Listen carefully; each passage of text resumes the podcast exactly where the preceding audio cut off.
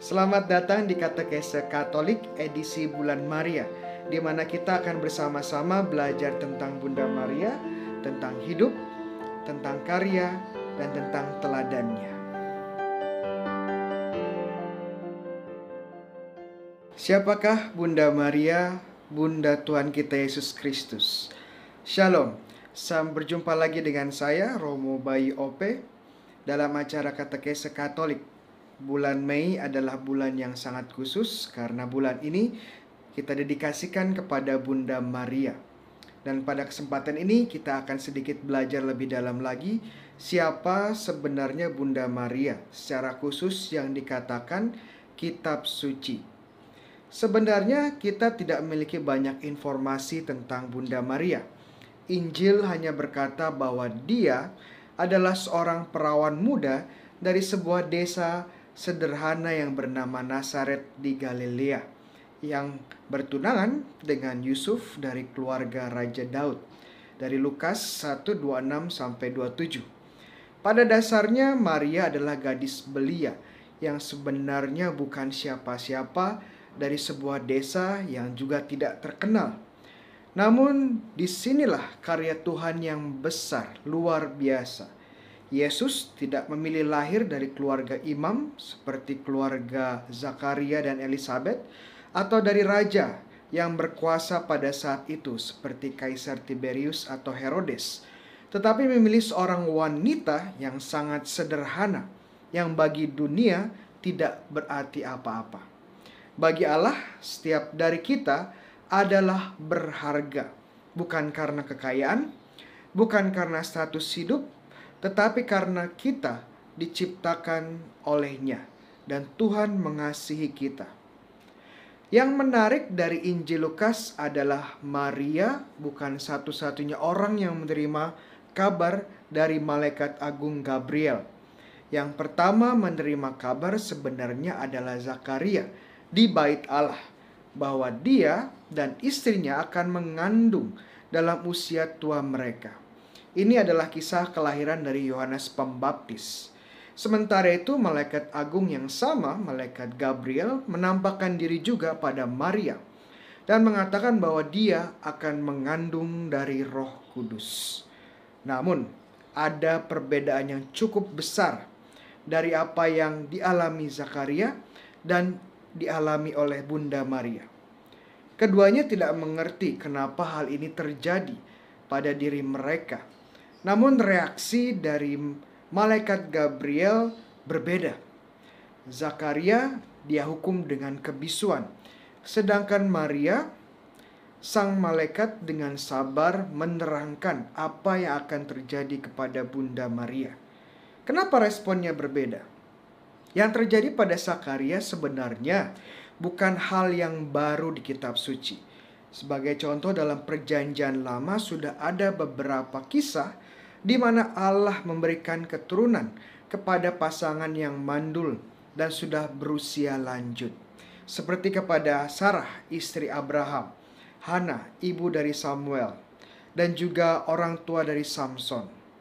Zakaria, seorang imam agung yang dihormati, seharusnya tidak asing lagi dengan cerita dan kisah yang tertulis dalam Perjanjian Lama ini dia dan istrinya Elizabeth telah bertahun-tahun berdoa untuk mendapatkan keturunan. Tetapi saat karya Tuhan terjadi pada mereka, terjadi pada Zakaria, dia masih juga meragukan kekuatan Tuhan.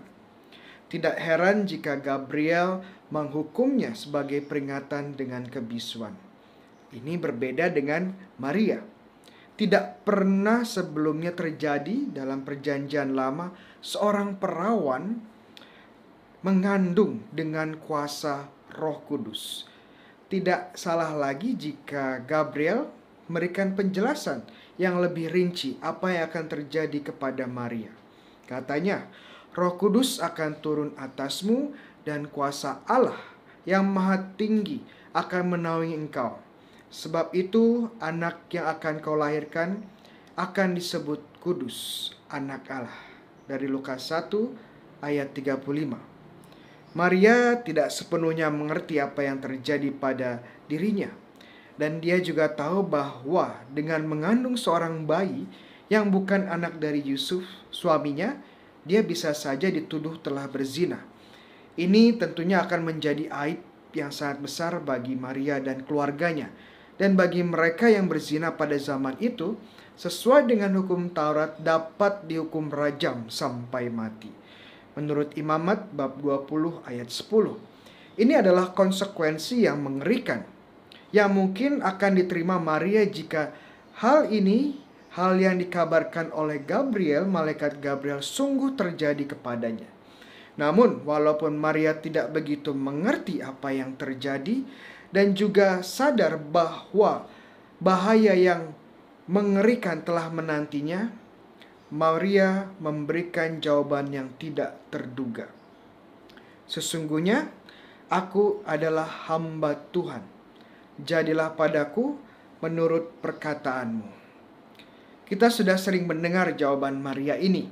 Tetapi jika kita lebih jeli dan melihat jawaban Maria dalam konteks yang ada, kita melihat betapa luar biasanya respon dari Bunda Maria ini. Pertama, Maria memberikan respon dan perkataan ini menjadi kalimat penutup dari perjumpaan dengan malaikat Gabriel. Biasanya dalam penampakan malaikat-malaikat di perjanjian lama maupun yang terjadi pada Zakaria, yang selalu mengakhiri kata terakhir adalah sang malaikat. Tetapi Maria berbeda.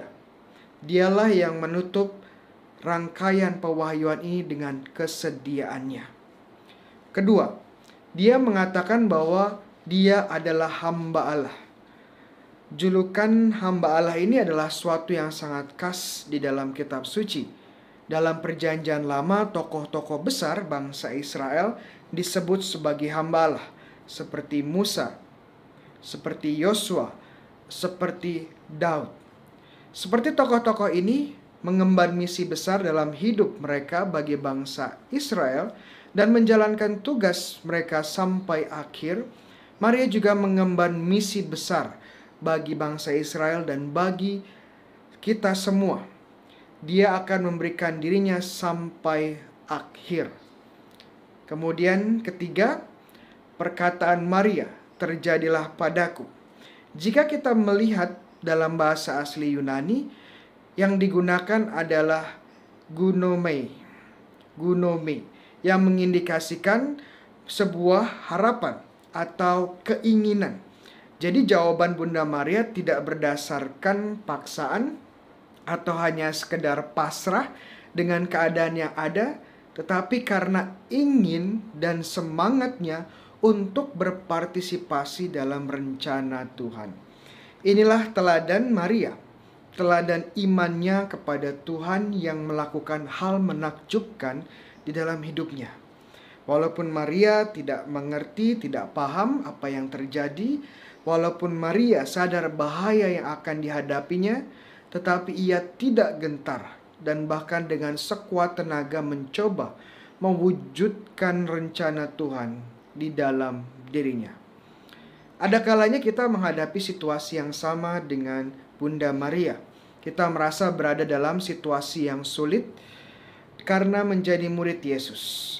Atau kita tidak memahami apa yang terjadi dalam diri kita saat menjalani kehendaknya.